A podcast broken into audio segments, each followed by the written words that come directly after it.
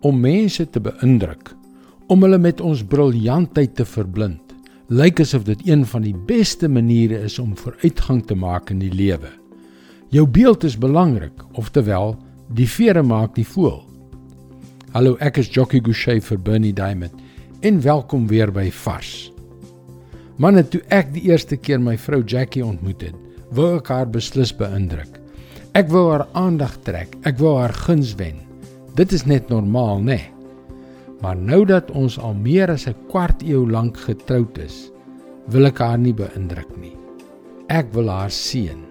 Daar is 'n groot verskil. En dit is dieselfde met God.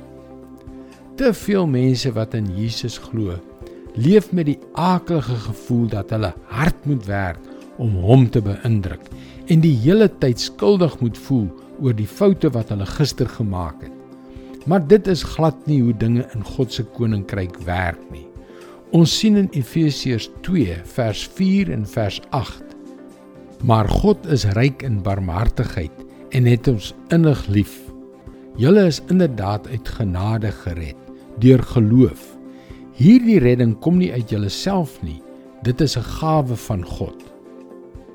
Miskien moet jy dit vandag hoor. Hou op om so hard te werk om God wat reeds sy genade oor jou uitgestort het, te probeer beïndruk. Jy kan nie sy guns deur jou werke verdien nie.